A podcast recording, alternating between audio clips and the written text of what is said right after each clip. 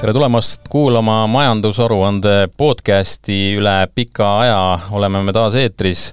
äh,. oli äh, aeg, kus me kogusime natukene mõtteid ja ideid ja nüüd oleme tagasi niimoodi, et äh, edaspidi igal nädalal teie seadmetes ja kõrvades me olema hakkame mina olen saatejuht Tanel Saarman ja minuga on siin ka Delfi ärilehe ajakirjanik, kolleeg Tanel Raig, tere! tere! Aga me, saate formaat on selline, et me ei räägi siin mitte kahekesi ja, ja ka edaspidi saab see niimoodi olema, et alati on stuudios eh, külaline või külalised, kes on meist oluliselt targemad ja oskavad asju lahti seletada paremini, kui me ise oskaksime ja sellise saate puhul, kui me jälle taas üle pika eetrisse tuleme, on paslik ja igati õige inimene ka stuudiosse leitud rahandusminister Mart Võrklaev, tere! tervist! No loomulikult räägime täna äh, maksudest, räägime riigi rahanduse seisust äh, äh, nii palju, kui sellest siis teada on. kindlasti on ka asju, mis veel on ju selgumas. palju on plaane välja käidud, on ka selliseid jutte, mida mida võib-olla võiks niisugused kuulujuttudeks pidada, aga üritamegi aru saada, mis siis praegune seis on. esmalt küsiks siiski seda, kas juba on sellise lühikese ajaga tekkinud ka kahetsus, et sellise portfelli vastu võtsite või, või veel ei ole jõudnud sellist kahtlust tekkida? absoluutselt mitte, et ma pean tunnistama, et äh, on väga põnev töö olnud, et nüüd äh, vist jookseb kuues nädal juba, et äh, väga huvitavad väljakutsed ja ja hetkel ma võin küll öelda, et täis töötahet ja, ja soov asju ära teha on, et minu meelest me endale äh, ambitsioonikad eesmärgid seadsime ja andsime aru, et lihtne see ei saa olema, aga aga näeme, et riigi jaoks ja inimeste jaoks on tegelikult vaja seda teha ja, ja teeme seda tööd. eriti põnev vist äh, oli avastada, et riigi rahandus on meil väga kehvas seisus, mis tuli nagu pärast valimisi kõigile üllatusena. et teil rahandusministril on nüüd pilt selge, et mis seisus riigi rahanduse te üle võtsite? Jah, et eks samal ajal tuligi ju ka ju värske äh, majandusprognoos, mis tegelikult seda seisu halvemana näitas, kui me algul arvata oskasime ja koalitsiooniläbirääkimistel sai meil see esmane inna-, indikatsioon kätte ja, ja, ja, ja siis äh, läbirääkimiste lõpujärgus äh, juba täpsemalt ja tuli ka avalikuks, et täna on see seis jah, ma ütleks pigem selge,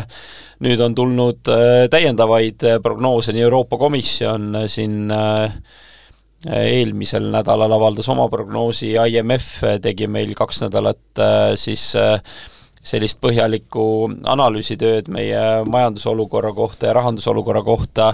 ja andis ka oma soovitused ja kuigi seal teatud erisused nende kolme nii-öelda prognoosi ja arvamuse vahel on, siis suures plaanis kinnitavad need kõik sama, et et jah, meie majandus hetkel jahtub, teisel poolaastal peaks hakkama see uuesti äh, tõusma, sel aastal on majanduskasv miisu, miinusmärgiga, järgmisel plussiga, inflatsioon valmistab muret ja, ja selles mõttes eh, kõigiga ühine selline arusaam on see, et, et eh, mõistlik oleks riigi rahanduse kordategemise poole liikuda. No eh, räägime sellest võib-olla mm, hiljem veel, aga, aga lähme nende maksuideede juurde siin, mis, mis on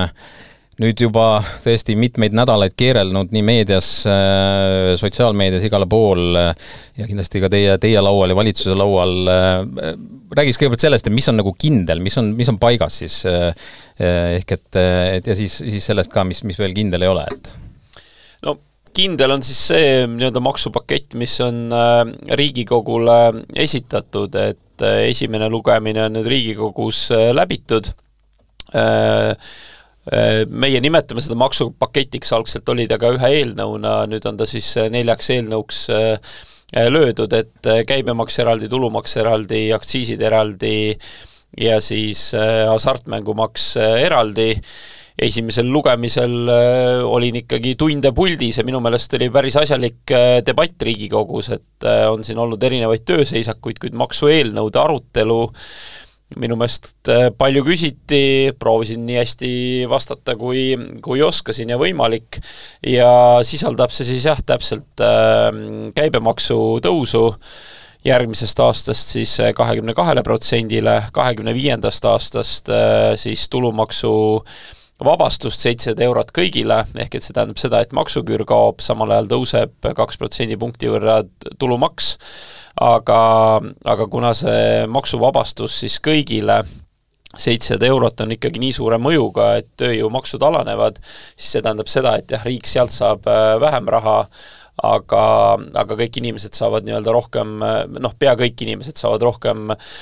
raha kätte, et eeskätt siis üle tuhande kahesaja euro teenivad, et seal miinimumi ja selle vahel on see võit äh, oluliselt äh, väiksem, aga, aga nende jaoks on olnud ka varasemad meetmed, kas või see, et selle aasta alguses tulumaksuvaba miinimum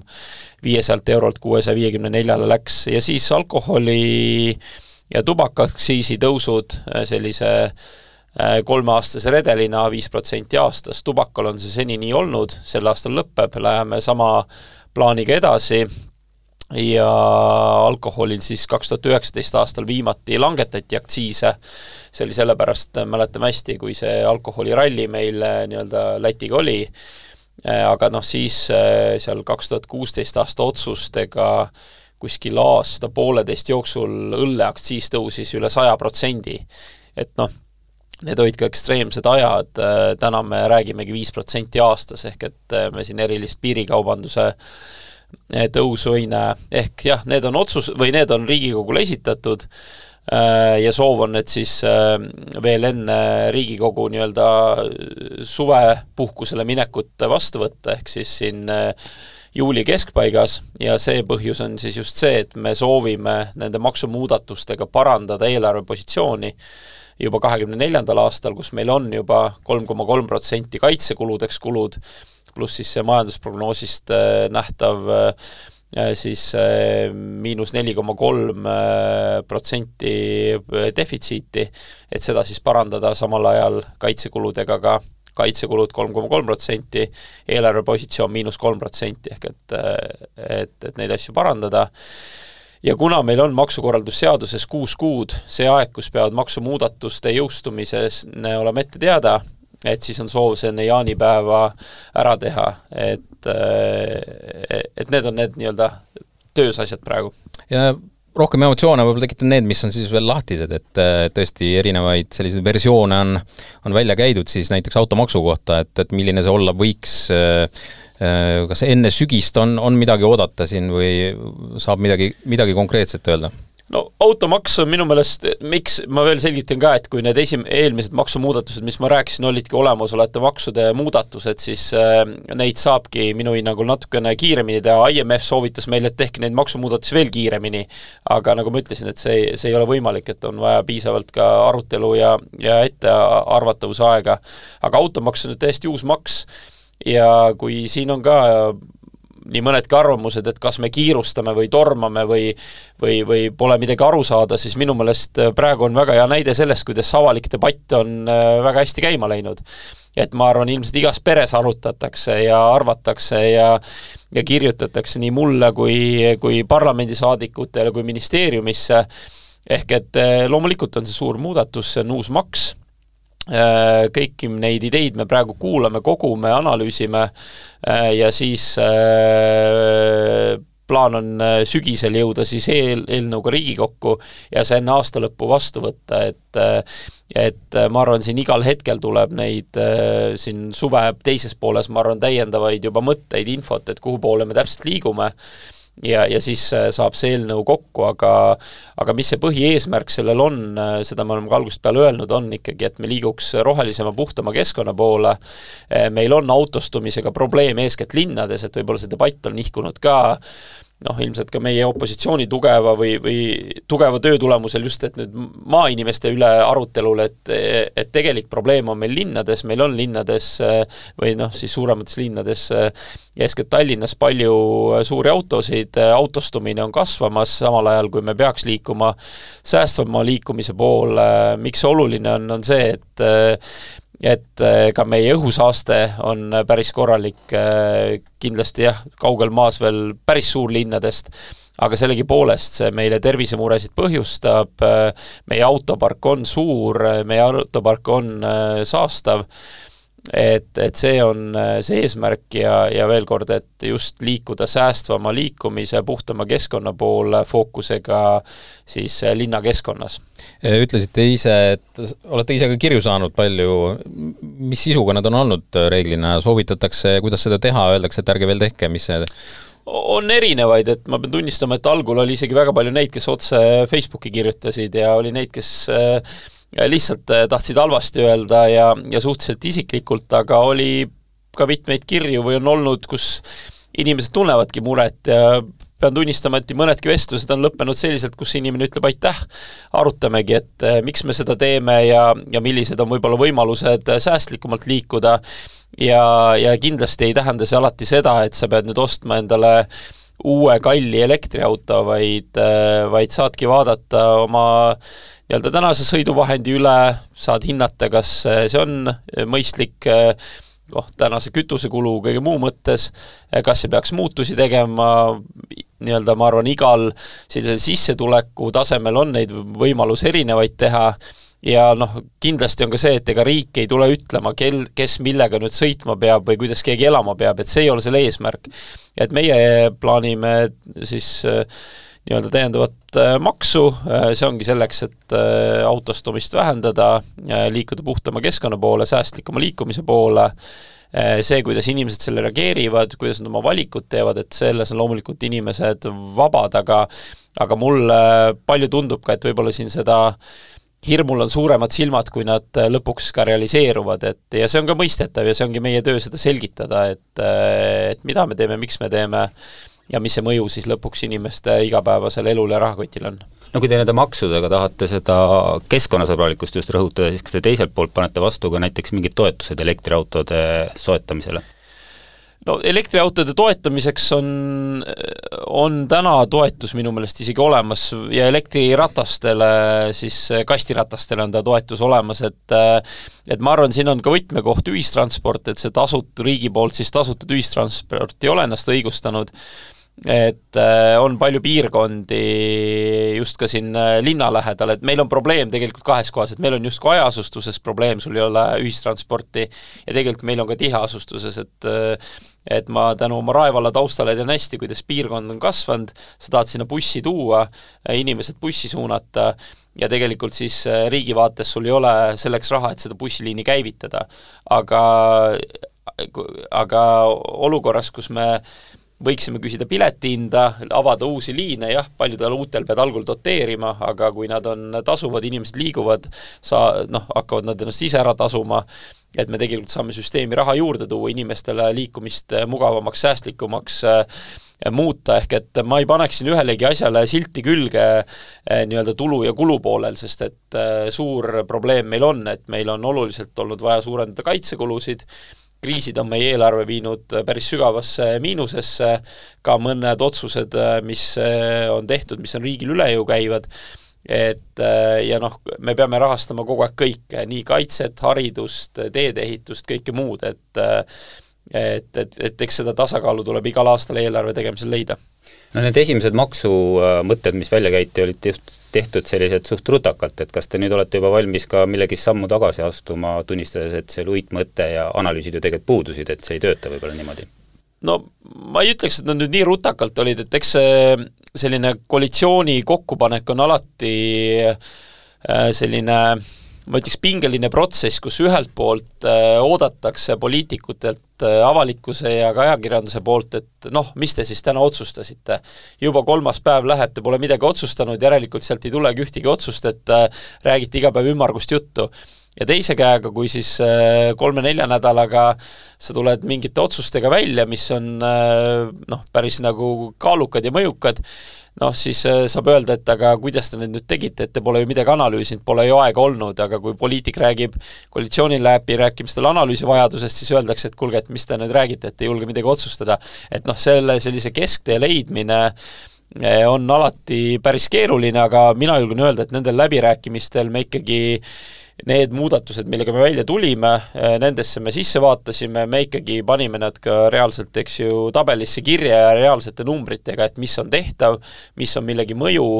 nii-öelda indikatiivne, ehk et me ei teinud ka selliseid otsuseid, et vot, et nüüd me Äh, katame mingeid kulusid, parandame eelarve seisu ja kirjutame sinna taha eelarve revisjon, ma ei tea, miljard eurot, nagu on varem näiteks tehtud, aga ühtegi tegevust ja konkreetset äh, muudatust seal taga pole. et meil olid ikkagi selged numbrid ja siis ka selged tegevused, ehk siis äh, maksutõusud ja noh, kärpeplaanid ka, et nendeni me võib-olla veel jõuame täna ka siin et ja noh, nüüd on tõesti läinud analüüsid täpsemaks, neid eelnõusid tehes debatid on ja ma arvan, et äh, ka see on väga tervitatav ja terve, kui kui nende debattide käigus tekib mõtteid ja ollakse valmis äh, neid mõtteid ka arvestama, teatud muudatusi tegema, et jah, et me täna Riigikogus oleme arutamas, et äh, teatud seal muudatusi teha, aga see on tulnudki avaliku debati, Riigikogu debati tulemusel ja ma arvan, see on jällegi pigem tugevuse äh, märk kui, kui nõrkus, kui sa päriselt ka kuulad, sest et vastaspoolel on olnud kogu aeg ju see argument, et te olete ära otsustanud, te olete kiirustades otsustanud, ega te kedagi ei kuula, teerull sõidab, on ju, et ei ole nii, et et meil on ajaloost palju kehvemaid näiteid, kus seitsmeteist päevaga muudeti maksusüsteemis väga palju,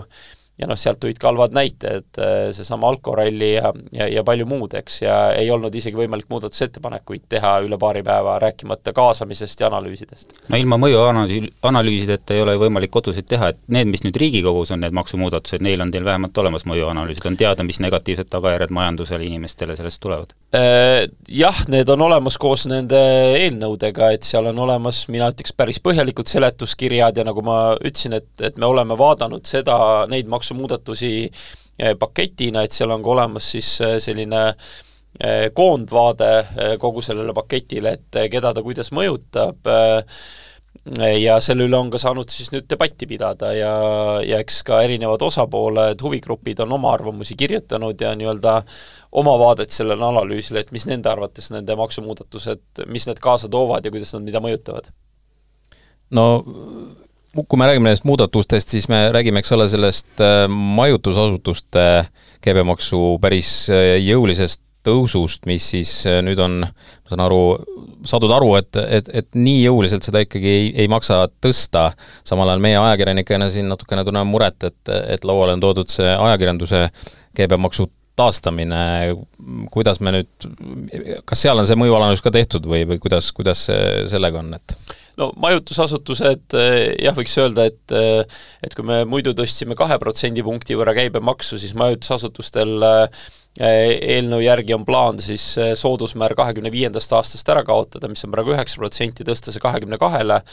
aga seda tõesti ka siis kahekümne viiendast aastast, et see oli jällegi võetud selleks aeg, et kuna turismisektor Covidist ja, ja kriisidest taastub, ta taastub praegu väga kiiresti ja ma julgeks öelda, et sektoril läheb päris hästi, et siis oleks aega taastuda ja teisalt nagu ka selle uue plaaniga siis harjuda ja oma otsuseid selles järgi kujundada. Ja, ja olles seda proovinud siis ka ministeeriumis analüüsida, siis on keeruline, et ühtepidi analüüsides võib vaadata, et tõesti on oht, et turistide arv väheneb, teisalt äh, majutuskulu kogu selles nii-öelda äh, siis äh, kulus, mida turist kulutab riiki tulles, et ilma transpordikuluta välisturisti vaadates on see kuskil kakskümmend protsenti e-majutuse kulu siis kogu tema kulust. Kui panna sinna transport ka juurde, siis on see kuskil kümne protsendi juures, ehk et me võime rääkida kümme, kakskümmend protsenti on reaalselt majutuskulu Äh, kogu kulust ja noh, siis käibemaksu tõus on seal veel äh, väike osa, et siin oligi üks näide, et kui viissada eurot äh, välisturist kulutab siin, siis käibemaksu muudatuse tulemusel oleks viissada kaksteist ja see on siis ilma transpordikuludeta. Aga jah, et Riigikogus täna on arutelul äh, Äh, see, et kas seda äh, nii-öelda vaheerandit seal kaaluda, et, et see oleks siis üheksa ja see ei oleks kakskümmend kaks, et kuskil võib-olla seal keskel, äh, aga kuna Euroopa Liidu reeglite järgi meil tohib kehtida kaks nii-öelda soodusmäära käibemaksul seal viie ja, ja siis põhimäära vahel, täna meil üheksa peal on ajakirjandus, ravimid, perioodika, vabandust, ajakirjandus ei ole, turism, perioodika, ravimid on üheksa ja ajakirjandus on siis viie peal, et kui me nüüd äh, sealt üheksa pealt näiteks turismi tõstame kuskile ülespoole natukene, ja ravimeid ei taha muuta, mis ma arvan, ei oleks mõistlik, et siis me peame nii-öelda selle viiega midagi tegema, ehk et ka ajakirjanduse käibemaksu muutma. et jah, me oleme ka selle sektoriga nüüd siin sellel nädalal kohtunud ja, ja Riigikogus on nad käinud, et eks me seda arutame, et loomulikult on seal jällegi omad võimalikud mõjud, millised täpselt on, noh, eks siin on jälle erinevad arvamused. sektor on rahul selle kompromissiga või? No majutusasutused minu teada on täna pigem rahul, sellepärast et nende jaoks äh, läheb olukord paremaks. Äh,, ajakirjandus loomulikult ei ole rahul, sellepärast et äh, nende jaoks käibemaks tõuseb, aga ma igaks juhuks täpsustan veel, et et sellisest lõplikust kompromissist on selles mõttes vara rääkida, et kolmkümmend üks mai on siis see muudatusettepanekute tähtaeg Riigikogus, kus siis erinevad fraktsioonid, saadikud oma muudatusettepanekuid esitavad, siis rahanduskomisjon neid arutab ja rahanduskomisjon ja siis hiljem Riigikogu suur saal otsustab, et äh, milli-, kas ja milliseid muudatusi tehakse või mitte, aga jah, aus on rääkida, et sellised arutelud ja sellised arvutused ja, ja mõttekäigud on loomulikult täna õhus. Äh, korraks veel tagasi tulles automaksu teema juurde, et et see, see on noh, on välja käidud, et, et tõenäoliselt sügiseks selgub, millises formaadis olema hakkab, aga sel ajal äh, tegelikult ongi ju oht, et äh, igasugused jutud lähevad liikvele, nüüd on äh, kerkinud siin üles teema, et kas meid hakatakse GPS-iga jälgima ja, ja, ja äh, sotsmeedias oli näha, kuidas inimesed sellest väga leili läksid, et et igasugused sellised olukorrad ja ajad on, ongi sellised, mis tekitavad nagu arusaamatusi ja, ja mingi kuulujutte, et, et võib-olla kuidagi peaks ikkagi suutma varem selle nagu paika saada või, või olete valmis, et siin nüüd asi läheb päris hulluks, et? vaadake, siin on nüüd küsimus jälle, et kummat pidi seda vaadata, et jällegi, kui kuskil kabineti hämaruses äh, lepitaks kokku, et vot automaks tuleb nüüd selline, rahandusminister tuleb siia teie saatesse või läheb AK-sse, ütleb, et vot nii, need on need reeglid, nendega me läheme ja selle me võtame kahe kuu pärast vastu ja nii on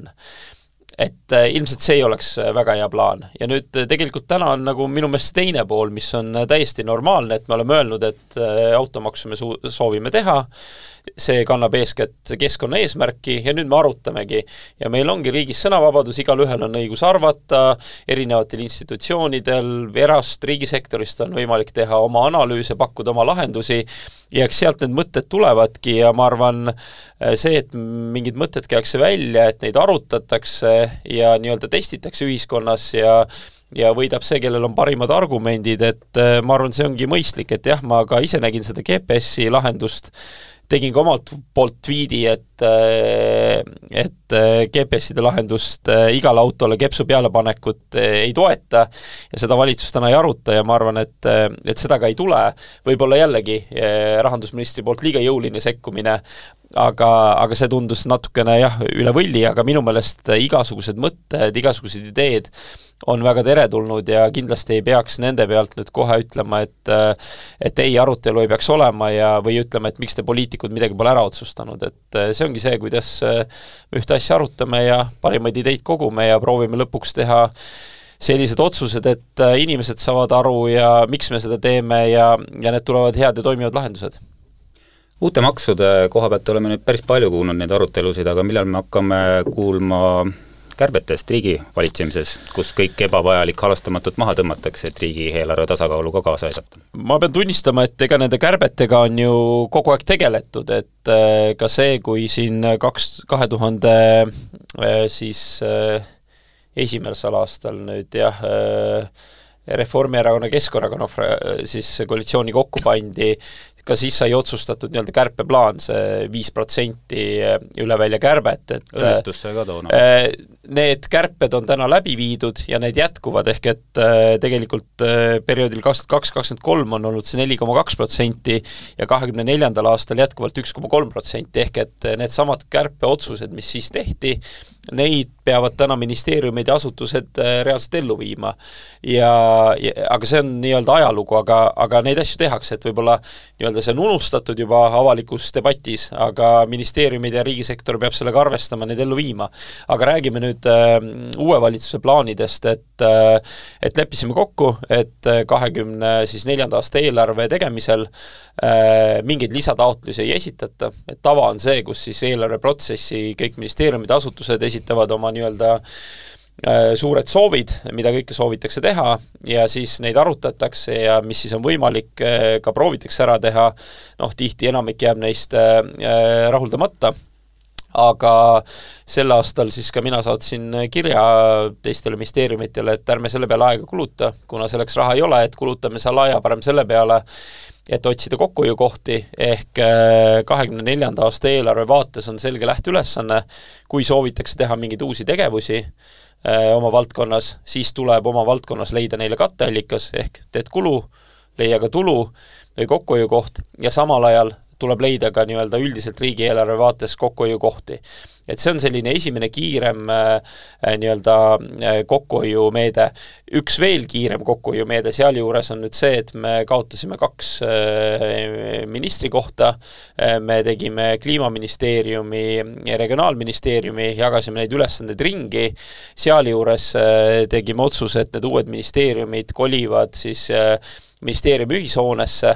jällegi võib öelda, et need on ju väiksed asjad, aga tegelikult ega selles ametkonnas ja, ja nii-öelda töökorralduses eh, noh, peabki koguma nagu väikeste summade kaupa neid, eh, neid tulemusi. huvi pärast küsin vahele, kui palju üks ministrikoht maksab? Ma nüüd konkreetselt ministrikoha hinda ei oska öelda, ma võin öelda, et selle kolimise tulemusel umbes miljon aastas on see kokkuhoid puhtalt halduse pealt, et et meil vabaneb üks rendipind, eks ju, ühes Tallinna otsas Maaeluministeeriumi maja vabaneb, selle saab ilmselt äh, leida tal uue kasutuse või, või, või siis äh, äh, vabaneda sellest kinnisvarast, kui seda riigil vaja pole. meil on üks suur tõhus hoone siis Ühisministeeriumi näol, kus saab jälle tänu sellele kulusid optimeerida, et meil on, meid on seal äh, rohkem, see maja on juba valmis ja noh, loomulikult tekib seal ka tegelikult selline äh, ma ütleks, sünergia töötamise osas, ehk et nii-öelda osa sellest on ka see silotornide lõhkumine, aga nüüd, mis veel nii-öelda võiks öelda siis kolmas pool sellest kärpeplaanidest on see, et me sügiseks ikkagi paneme paika ka Rahandusministeeriumi poolt äh, koostöös ka siis äh, teiste ministeeriumitega sellise nulleelarve ja eelarve revisjoni plaani. Ja see oleks nüüd näiteks natuke sellisem rohkem süvitsi minek ja pikaajalisem tegevus, kus me igal aastal soovime vaadata mingisse valdkonda, mingisse ministeeriumisse detailselt sisse,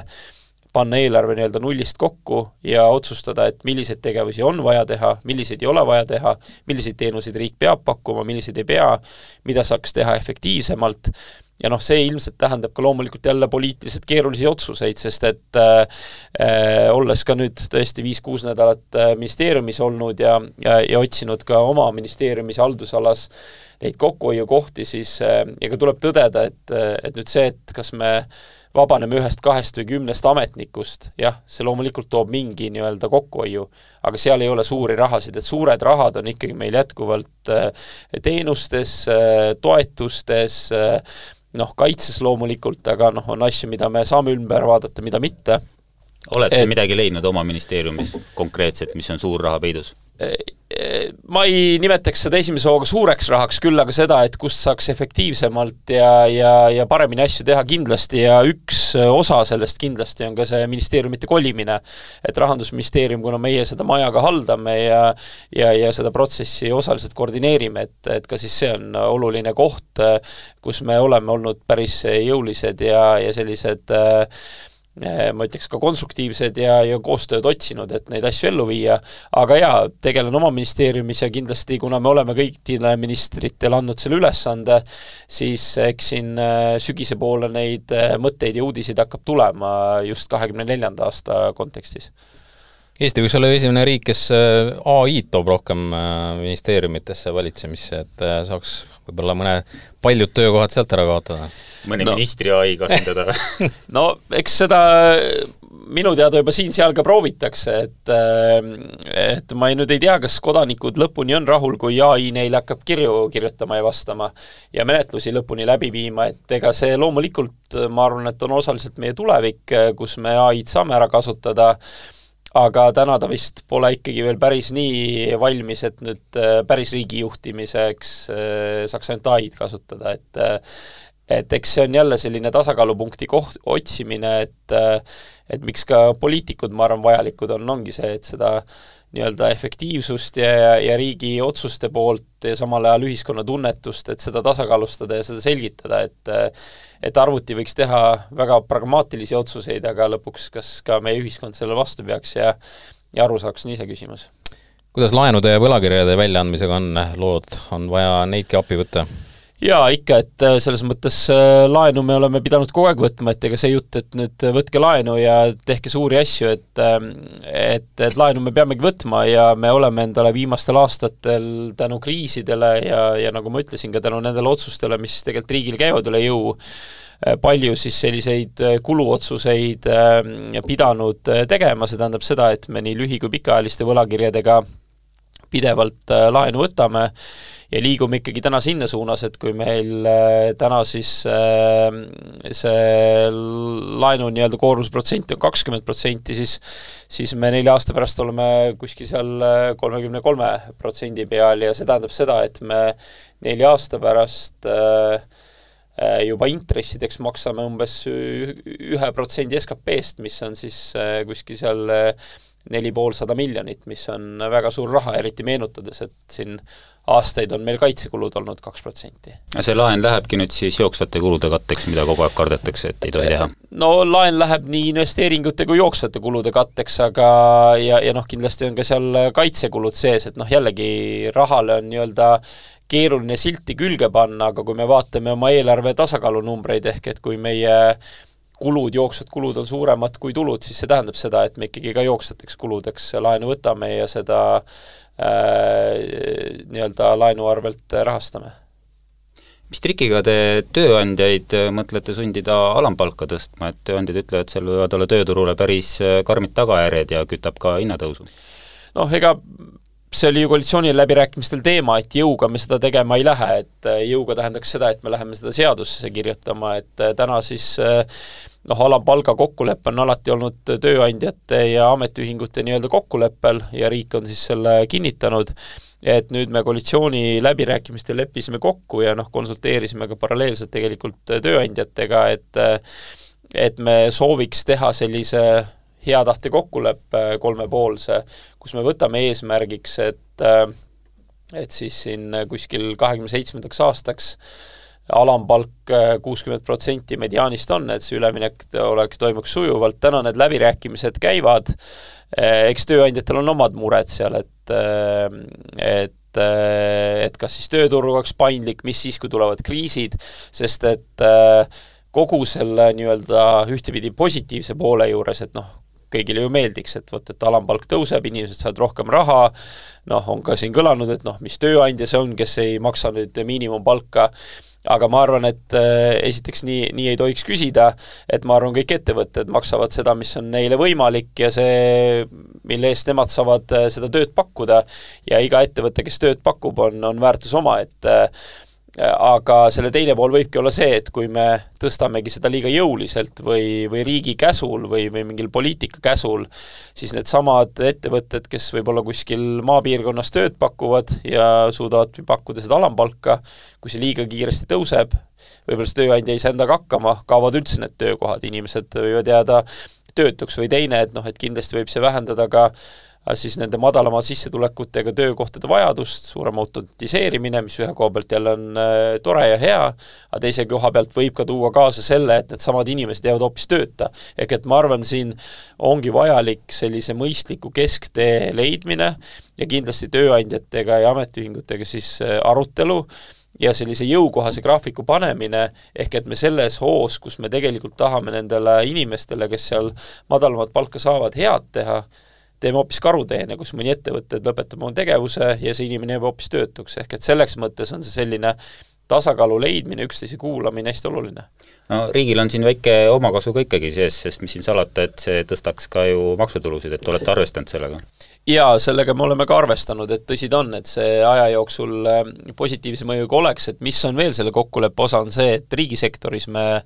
sellesama plaaniga edasi läheme ja, ja noh, selle me peame ka seadusse kirjutama. siin on jällegi, et me nüüd ei paneks erasektorit äh, teistpidi liigse surve alla või tekitaks ebavõrdset konkurentsi, et meie avaliku rahaga tõstame neid palkasid kenasti, rõõmsalt, ja, ja erasektor ei, ei suuda järgi tulla, aga tõsi on see jah, et kui see palk ikkagi, alampalk tõuseb, siis on isegi siis, kui me ka seda riigisektoris teeme, sellele eelarvele positiivne mõju. kui suur see on, mis summadega arvestate? ei julge peast praegu öelda, et peaks vaatama tabelist üle selle, et et ma tean, et me oleme seda arvutanud, aga, aga pole ka seda numbrit praegu kaasas siin Eh, alguses oli juttu, et eh, jaanipäevaks loodate siin esimesed maksumuudatused vastu võtta, et need saaks uuest aastast jõustuda. kui nüüd eh, ikkagi opositsioon suudab pidurit tõmmata, mis siis saab, et ei tule neid maksumuudatusi uuel aastal meil? no opositsioonilt ma küsiks tegelikult vastu seda, et et mis on nende lahendus, et meil on vaja katta suuri kaitsekulusid, meil on eelarve miinuses, see miinus süveneb, me oleme teinud aastate jooksul palju otsuseid, mis on suurendanud meie kulusid, tulud pole järgi tulnud, ka tegelikult nende samade maksumuudatustega, mida me planeerime, meie maksukoormus tegelikult täna ta on languses,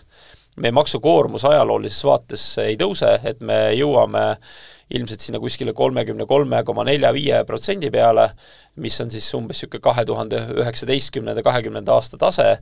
ehk et äh, kui opositsioon takistab, ma küsingi, mis on teie lahendus, et äh, lahendus ei ole see, et äh, maksud alla ja toetused üles ja siis me oleme üks rikas ja õnnelik riik, ei, et me peame ikkagi, riigi tulud ja kulud peavad olema tasakaalus selleks, et me suudaks oma riiki ülal pidada, et me suudaks päriselt oma kohustusi täita, suudaksime õpetajatele palka maksta, meditsiini üleval pidada, teid ehitada, ennast kaitsta ja kui me seda ei suuda, siis eh, ühel hetkel me oleme suurte probleemide ees, me oleme võlgades, peaks meid mõni kriis tabama, me ei saa nende kriisidega hakkama, ehk et me oleme riik, kes ei suuda oma kohustusi täita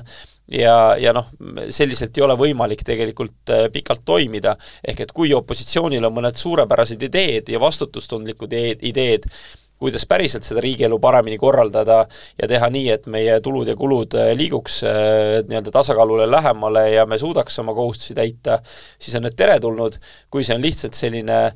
blokeerimine ja jonn ja Riigikogu töö takistamine, noh, eks me siis peame ikkagi äh, nii-öelda, Riigikogu peab tööd saama teha ja, ja eks siis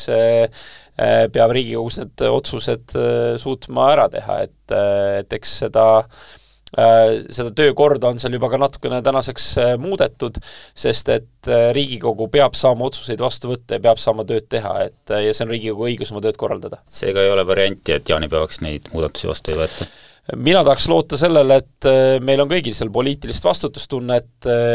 kõik teevad oma ettepanekuid, mis on mõistlikud ja kus saab kompromissi, neid saab arvestada, mõnest me oleme täna siin juba rääkinud ja, ja noh, peab ka aru andma seda, et jah, et ongi meil opositsioon, koalitsioon ja noh, see on poliitika, poliitika tavaloogika, et, et valimistel antakse hääled, sealt tekib äh, üks selline kokkulepe, enamus valitseb, kuulab loomulikult vähemust, aga peab saama ka teha oma otsuseid, milleks siis äh, noh, on see poliitiline kokkulepe kokku pandud härrad, äh, tõmbame tänaseks äh, otsad kokku, majandusaruande podcast on äh, taas eetris järgmisel nädalal, kindlasti minister Võrklaev ei ole meil siin viimast korda külas ja, ja temaga erinevatel teemadel arutada saame ka edaspidi. veel kord aitäh kuulajatele, aitäh ka ministrile selle aja leidmise eest, olge terved, kõike head! aitäh!